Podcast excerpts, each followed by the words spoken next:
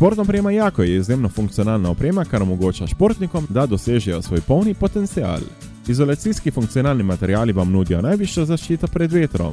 Vodoporni funkcionalni materiali in zaprti glavni šivi zagotavljajo zanesljivo zaščito pred vlago. Pri nizkih temperaturah vas toplotno izolirane funkcionalne tkanine ščitijo pred mrazom in vam zagotavljajo optimalno telesno klimo. Pri podjetju Jako veljajo visoki standardni razredi glede izbire njihovega tekstila, ki ga redno preverjajo z inšpekcijskimi pregledi. Za podjetje Jako so značilne hitre rešitve in visoka prožnost ter prilagodljivost željam kupcev. Cilj podjetja Jako je hitra dostava želenih artiklov. V ta namen je okoli 95 odstotkov vseh artiklov iz kataloga dejansko na zalogi in dobavljivih takoj. Najdete jih na Gubčevi ulici 12 Elena, tu v slovenskih goricah, ali obiščete njihovo spletno mesto trikrat dovinjuje jako-slovenija.si. Poslušate oddajo Golout, slovenska podcast oddaja o slovenskem in tujem nogometu. Drage poslušalke in dragi poslušalci, dobrodošli v novi podcast oddaji Golout. Običajno ste navajeni, da poslušate moje pogovore z nogometaši oziroma z nogometašicami. V prihodnje pa bo tudi moj sogovornik tedensko Janez Boronica. Janez, lepo pozdravljen v podkastu oddaji Golout. Marko živa. Janez, odločila so se, da bova naredila podcast v smislu, da bo pokomentirala aktualno dogajanje pregled dogajanja na slovenskih zelenicah. Gremo najprej seveda na domače zelenice, aktualni krok, na prvi pogled, tvoj komentar. Zelo zanimiv krok, z veliko dodatka pisanja glede sodnikov tudi po samih tekmah. Predvsem v Murski soboti in Ljubljani. V Mariboru so že pokazali svoje nezadovoljstvo s tem, so tudi že naredili nek video posnetek, ki kroži po internetu o napakah eh, Mateja Juga, ki jih je storil po njihovem mnenju na tej tekmi proti Muri. To je očitno njihov način komentiranja glede sodniških odločitev, za katere jaz tako vedno pravim, da so napake, nič drugega, ni nobenih teorij zarote, kot marsikdo misli. Tudi kakšen znan slovenski nogometaš, recimo bivši, ampak ne bom zdaj v imenih. Jaz sem gledal to tekmo in lahko rečem, če bi šel v detajle, da verjetno teh dveh rdečih kartonov, ali pa vsaj enega, ni bilo potrebe, da ga je dal jug. Ampak treba je pa zraven tudi omeniti, da je bila tudi mura poškodovana v prvem polčasu. So se tudi zgodile dve napake v njihovo škodo. Bomo videli, kaj se bo izcimilo iz vsega tega.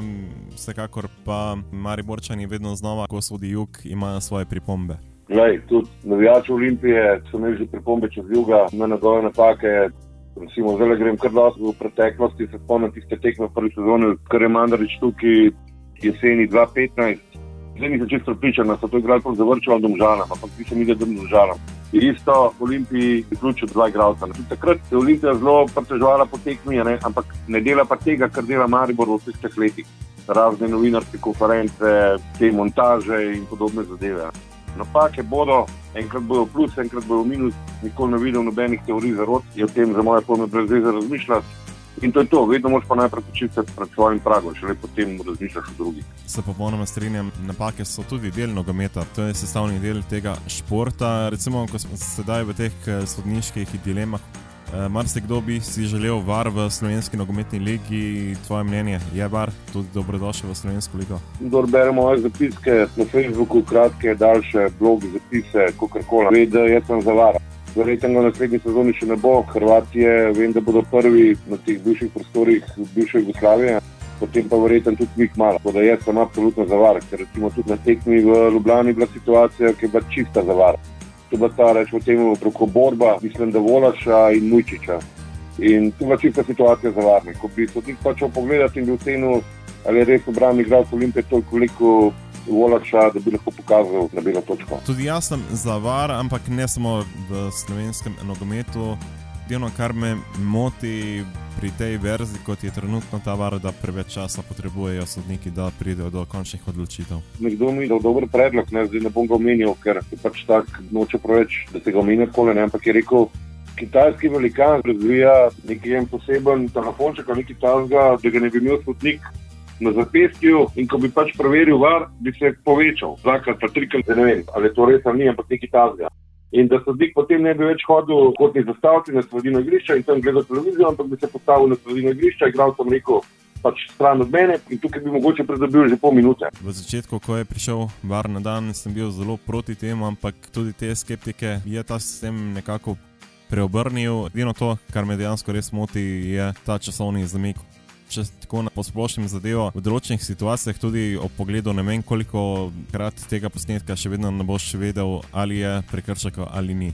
Oziroma, ali je gol ali, ali ni. Mene zelo zmoti, ko recimo, še novinar reče, ali pa tudi napiše, ali pa kdorkoli to reče, da bo odločil var. Ne, vedno odloči sodnik. Var je samo pomoč sodniku in sodnik na koncu odloči. Sodnik pogleda in če ti svoje oči tako, vedno odloči sodnik, ne var nikoli pa ne bo zadeva 100% zaradi vara, ker naenkrat ne bo več dilem ali česa podobnega.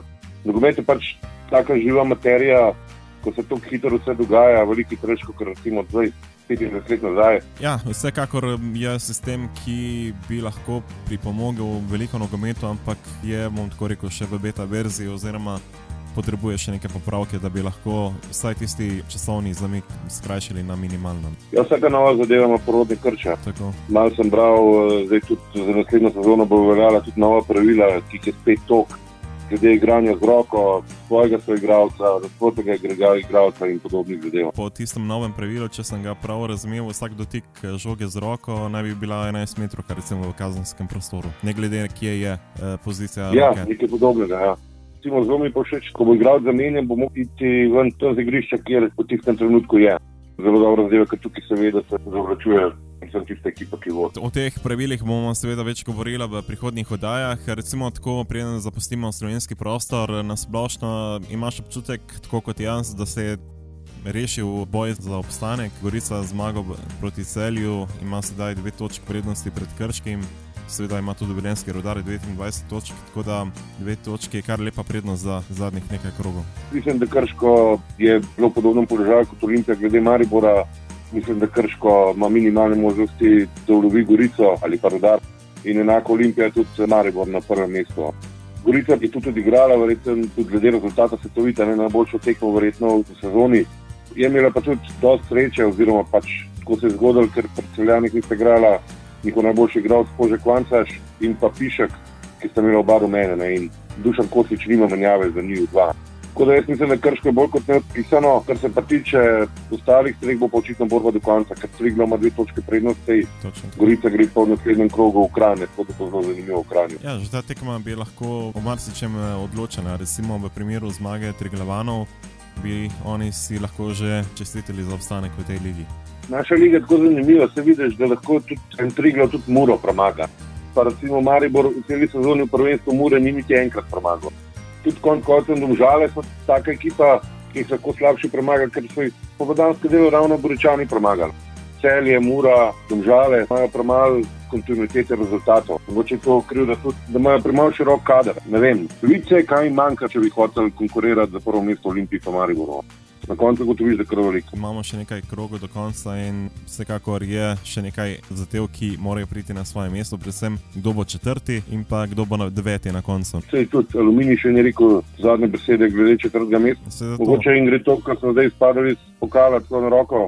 Pri nas se veliko krat najdejo ljudje, ki pravijo, da v bistvu aluminiju, tudi samo so omenjali v tem kontekstu, da oni sploh v bistvu nimajo neke žele, gre v Evropi. Jaz, ko to slušam, jaz se samo nasmehnem sej aluminij ne bo igral v Kidriču, aluminij bo verjetno igral v Mariboru, ki je najbližje. Mora bi recimo lahko določene tekme, bi pač lahko igrala doma, kot države.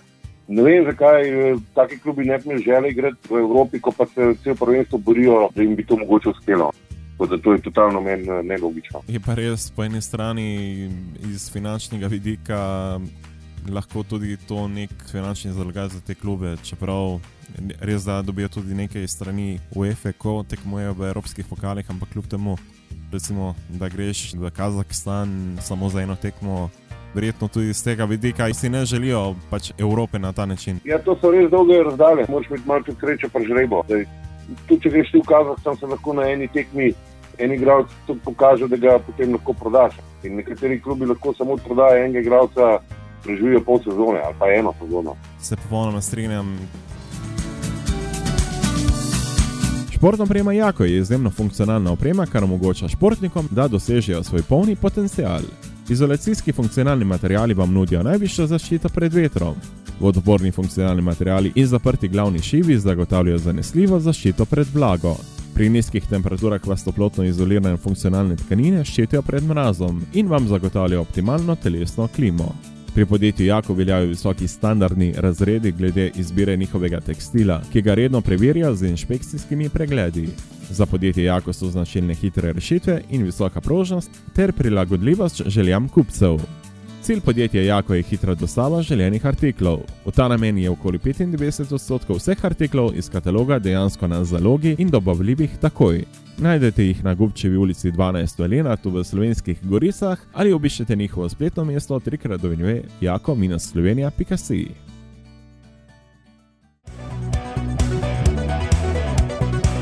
Imate vprašanje?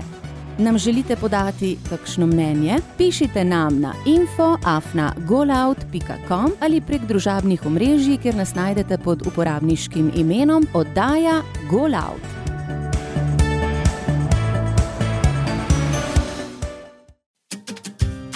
Serije A, Bundesliga, Premier League, La Liga, selimo se na mednarodne zelenice.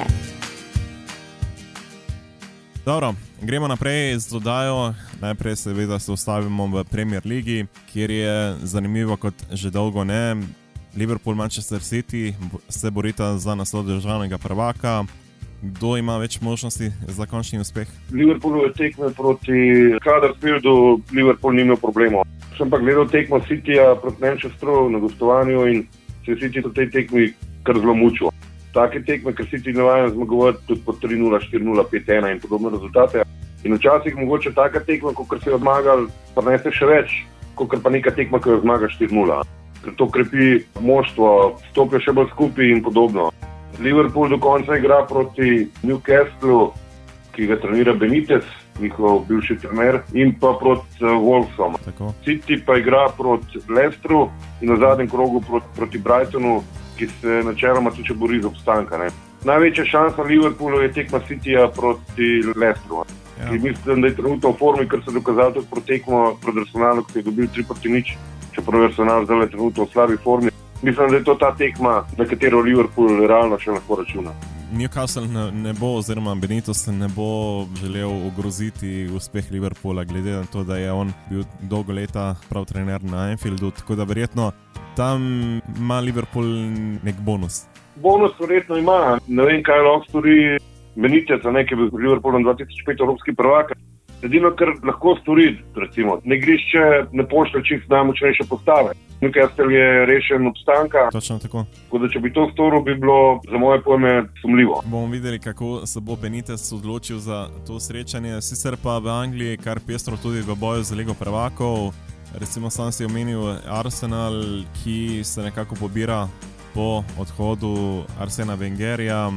Une Emery nikakor ne najde neke prave poti Arsenala, ali se samo meni zdi tako, da je Arsenal še vedno v istem krču, kot je bil pod Wengerjem. Očitno, ne, Arsenal je zdaj že nekaj tekem zapored visoko zgubo tudi uh, v tem krogu, ampak še vedno v igri za to četrto mesto, konc konca tudi za ne, ker United pa Chelsea sta na derbiju remizirala.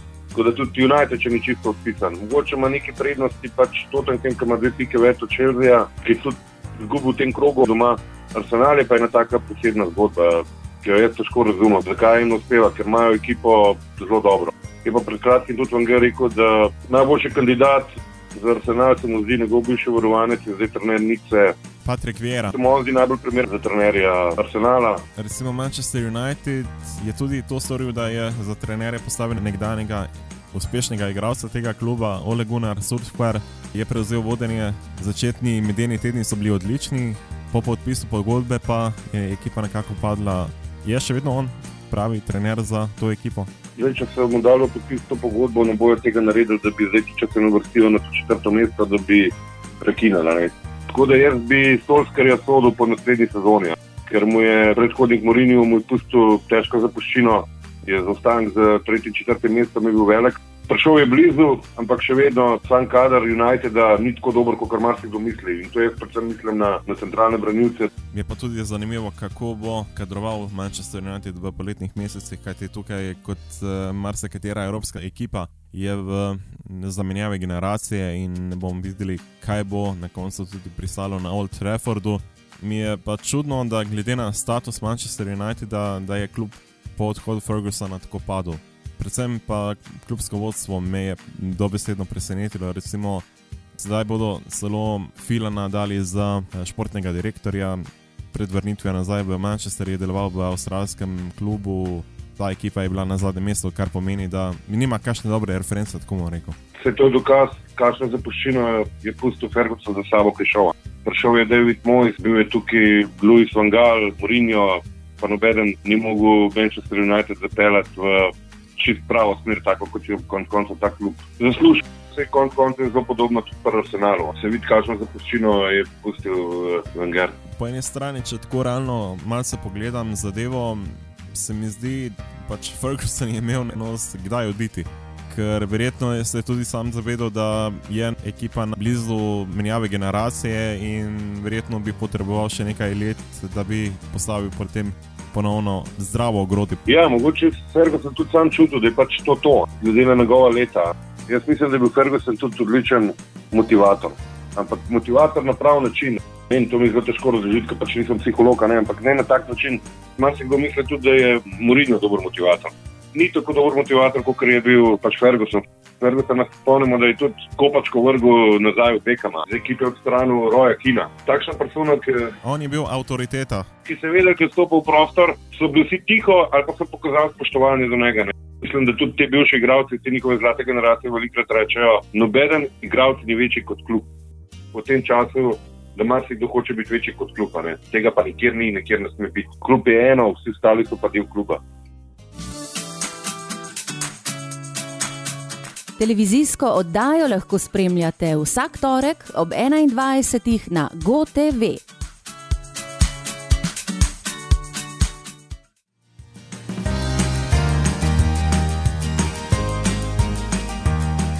Pa gremo v Španijo, Barcelona je obranila naslov, sicer so še tri tekme, ampak imajo dve točke prednosti in plus še gol razlika je tukaj.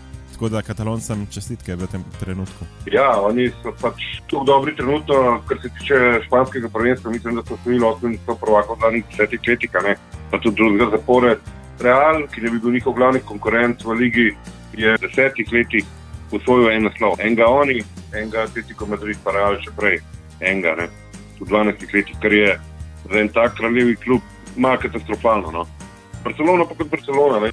Se znajo v domači ligi to zbrati, da jim noben ne, ne pride dovolj blizu no, v zadnjih letih. Mi si pri svojih bližajočih 20 letih še vedno kaže, kaj je ne. najboljši igralec na svetu. Bolj kot to, da je Barcelona obranila naslov, je zanimivo to dejstvo, da je med prvimi štirimi, oziroma ravno četrta ekipa, tista, ki je letošnjo veliko presenečenje La Lige. Hetafe, dejansko manjši klub, ki pred sezono nihče ni niti posumil, oziroma nikako ni pričakoval, da se bo boril za Ligo prvakov. Hetafe mislim, da je klub iz predmestja Madrida. Je trenutno četrti na lestvici z enakim številom točk kot Sevilla, pa tri točke več kot Valencija. Je pa zanimivo, da v tem krogu so vsi trije ti precedenti za to četrto mesto zgubili. Sevilla v gostih proti Gironi, Getafe isto v gostih proti Real Sociedadu in Valencija je svoj doma proti Eibarju. Ta pa za moje pojme malo prednosti Sevilla pa Getafe pred Valencijo, Sevilla predvsem zaradi tega, zaradi izkušenj podaljšega kadra, Getafe pa pred Valencijo, pa tudi Sevilla konc koncev ne, zaradi tega, ker Valencija igra še v Evropski ligi. Ja, pa tudi recimo medsebojna srečanja teh treh ekip. Če se spomnim, prav pred kratkim je Hetafe celo premagal Sevijo s 3 proti nič, kar pomeni, da imajo že tukaj ob istem številu točk, kot veljajo pravila v Španiji, zato so tudi četrti. Čeprav imajo malce slabše gole razliko. Da... Imajo slabše gole razliko, niso pa dobili veliko golov. 31. Barcelona je več, Real jih je več. Čeprav vidim, da jih je samo Atletico manj dobil. Tako. Kar pomeni, da res obrambi dobro igrajo. Obramba pa itak za moje pojme vedno prenaša naslove, pa tisto, kar si klub, recimo v tem primeru Getafe, ki je manjši klub, na koncu najbolj želi. Obramba prinaša naslove, napad pa odloča tekmo. Recimo, malce tako za šalo, si predstavljaš Getafe v Ligi Prvakov? Ja, bolj težko. No. Vidite, že ta pritisk, pri njih je v bistvu zdaj vsaka tekma na nož. Omenila smo že nekaj, Real Madrid po sezoni bo tudi tukaj prišlo do precej sprememb v samem kadru. Zidan je prišel ponovno na Santiago Bernabeu. Je to modra odločitev, da so vrnili iz Zidana? Jaz sem bil zelo presenečen. No. Jaz sem mislil, da bo prišel mogoče konte, ampak konte se očitno še ni dogovoril s Čelzijem, glede izplačila denarja. Sam sem pa imel bolj v mislih početina. Daniel Levi je zelo težek pogajalec, ne. ga ne bo kar tako spustil. Jaz sem bil presenečen, ampak eh, glede na zadnja leta, mislim, da je Zidan eden redkih, ki lahko to zapelje, predvsem v državnem prvenstvu in konec koncev spet v Ligi prvakov v pravo smer ne bo se od njega odvisno glede ukrepitev, kar je logično, ne, kar ni lasnika, ampak eh, bo pa sodeloval pri tem, kar je pa normalno. V takih klubih mora trener sodelovati pri nakupih ne, in povedati, ali tega igralca hočem, tega igralca nočem. Od Drala je težko vedeti, kdo prišel, verjetno bo spet prišel še nov galaktik, ampak je to nek enega ugibanja, da je res težko vedeti, pa pa Hazard, Neymar, Mbappé. Čeprav srednji je že nekako rekel, da on ne želi v Madrid vsaj po nekaterih informacijah. On je še zelo mlad igralec, mogoče se je tam za leto. Ne? Jaz mislim, če bi prišel klic Reala. Redki so igralci, ki rečejo ne. No. Ja, bomo videli, kaj bo iz tega. Sicer pa tako nasplošno, Benzema da, Benzema ne. Glede na to, kako je letos zgolj, jaz bi nekaj obdržal. Pri njih premalo daje, ne glede na lansko finale, Bejra. Beli mu letos šanso, ko ni več Ronalda, da pač dokaže, da bi bil lahko on vodja ekipe. Ne. Ronaldo je sam eden in tega ni dokazal. Točno tako.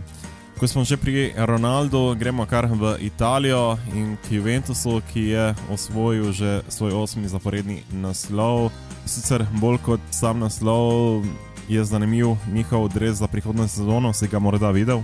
Glede na to, da vem, da si malo fan uh, Juventusa. Pa mislim, da si rekel, da ti ni všeč. Ti verjamem, uh, da. Če vsi vedo, da si ti navijač Olimpije, sem že veliko krat tudi v podkastu, ko je začela oddaja, sem tudi že veliko krat povedal, da sem pristaš Juventusa. To je prvi dres Juventusa, ki ne bo črno-bel. Oziroma, ne bodo več črno-bele črte sem nekako želel preveriti, kakšno je tvoje mnenje, glede na to, da pač da Juventus poznamo kot belo-črne. Zdaj gledam sliko, v bistvu to bel dres, ki piše Jeep Gor, pa na ramenih ima črne črte. Pol pol je dejansko, pol je bel, pol je črn. Težko rečemo, res ni.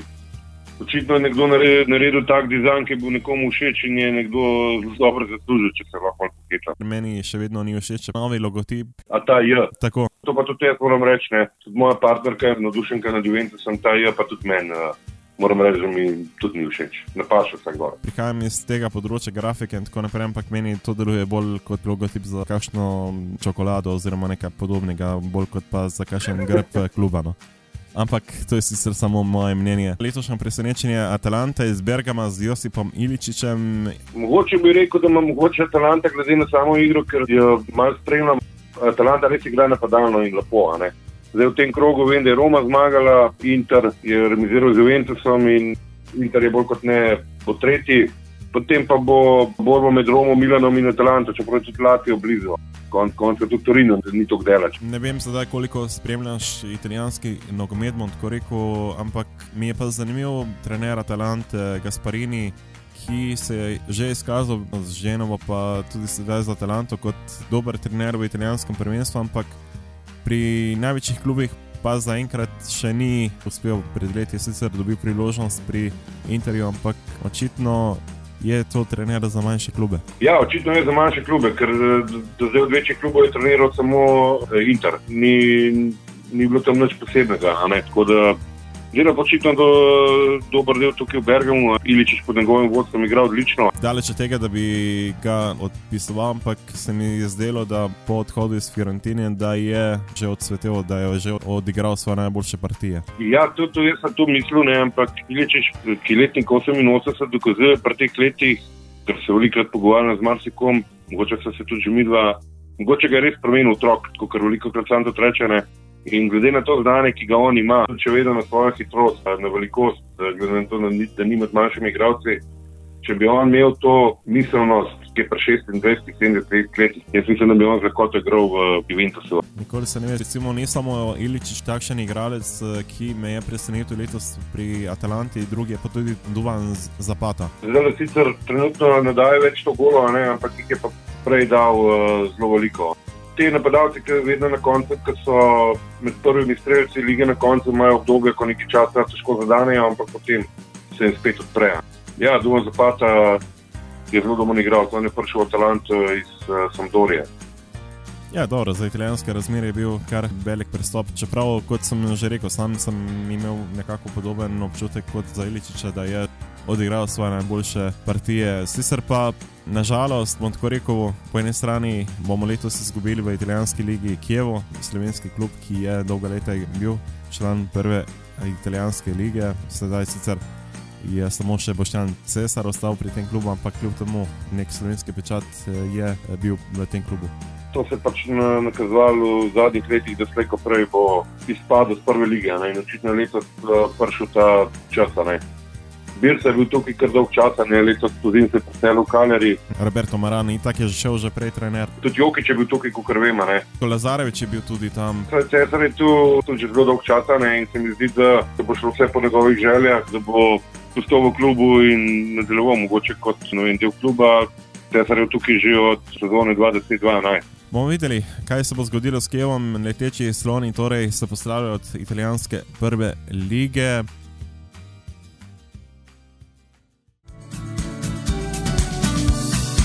Športna oprema Jako je izjemno funkcionalna oprema, kar omogoča športnikom, da dosežejo svoj polni potencial. Izolacijski funkcionalni materiali vam nudijo najvišjo zaščito pred vetrom. Vodoporni funkcionalni materiali in zaprti glavni šivi zagotavljajo zanesljivo zaščito pred vlago. Pri nizkih temperaturah vas toplotno izolirane funkcionalne tkanine ščitijo pred mrazom in vam zagotavljajo optimalno telesno klimo. Pri podjetju Jako veljajo visoki standardni razredi glede izbire njihovega tekstila, ki ga redno preverjajo z inšpekcijskimi pregledi. Za podjetje Jako so značilne hitre rešitve in visoka prožnost ter prilagodljivost željam kupcev. Cilj podjetja Jako je hitra dostava željenih artiklov. V ta namen je okoli 95 odstotkov vseh artiklov iz kataloga dejansko na zalogi in dobavljivih takoj. Najdete jih na Gubčevi ulici 12 v Lenatu v slovenskih goricah ali obiščete njihovo spletno mesto trikrat do vinjuje jako-slovenija.si. Obiščite trikrat dvojni ve.golout.com in bodite na tekočem.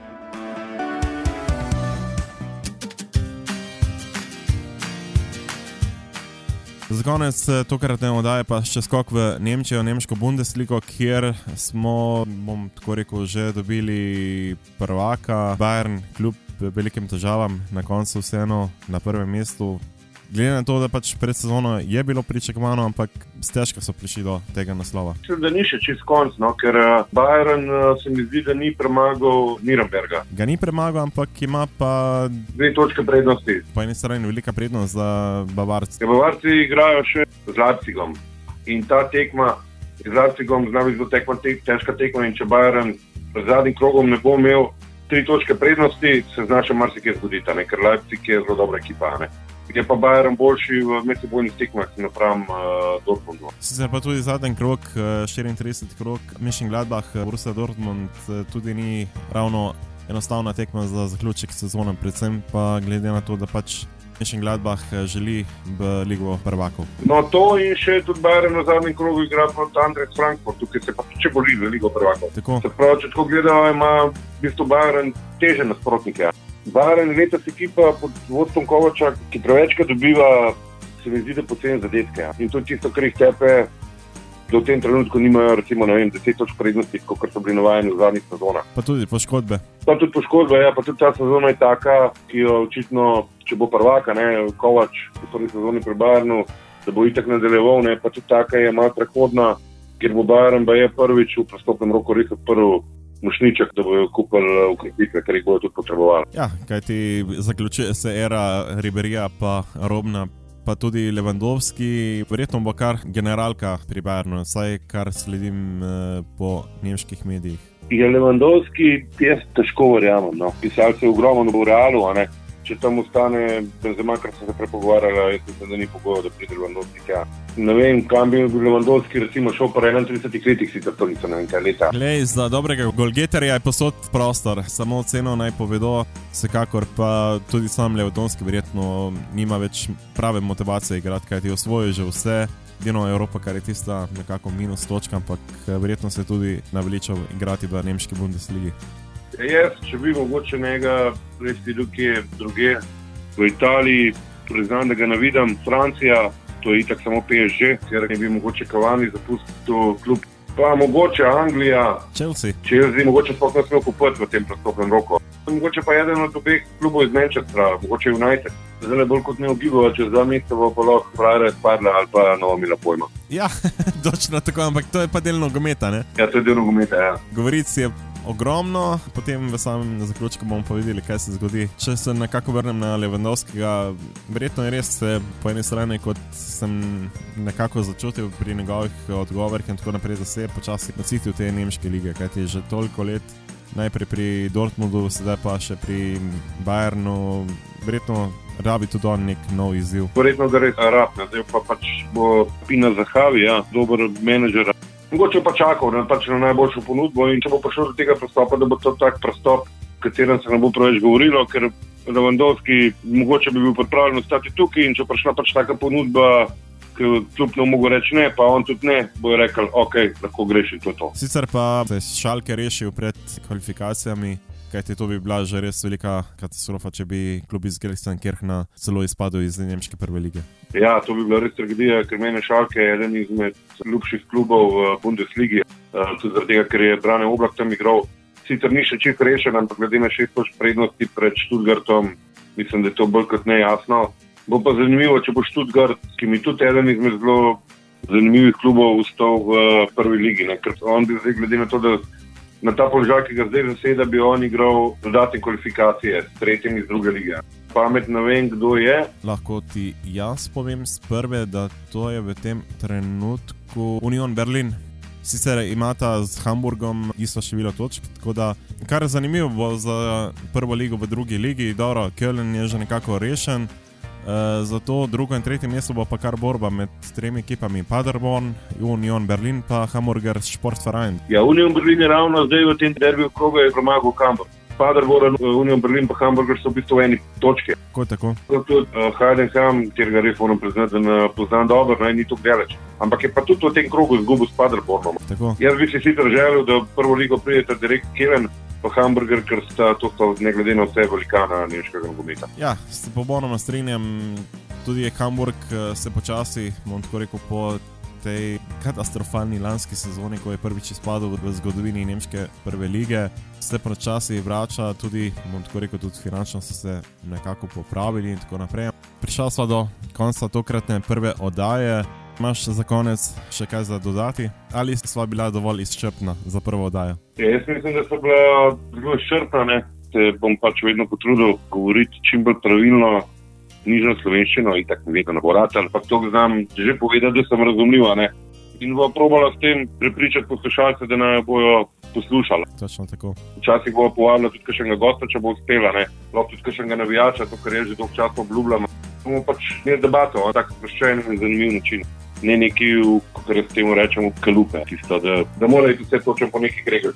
Konec koncev pa se ni tako, ti še novinarje. No. Saj ravno to, mi dva sta začela s tem podkastom nek, pač narediti nek splošen nogometni pogovor za vse ljubitelje tega nogometa. In vsekakor, če imate kakšen predlog, drage poslušalke in dragi poslušalci, ga nam posredujte. Vse predloge bomo pregledali in tudi jih upoštevali, če bodo seveda realni. Kot ste že med samo oddajo slišali, pišite na infoafna.com in bomo zadevo potem tudi z Janazom pregledala. Ali pa tudi tam osebno na Facebooku profilu ali prek katerega drugega medija. Do prihodnjič, imejte se lepo, uživajte v nogometnih predstavah. Lep pozdrav. Imate vprašanje? Nam želite podati kakšno mnenje? Pišite nam na infoafna.golout.com ali prek družabnih omrežij, kjer nas najdete pod uporabniškim imenom oddaja Golout.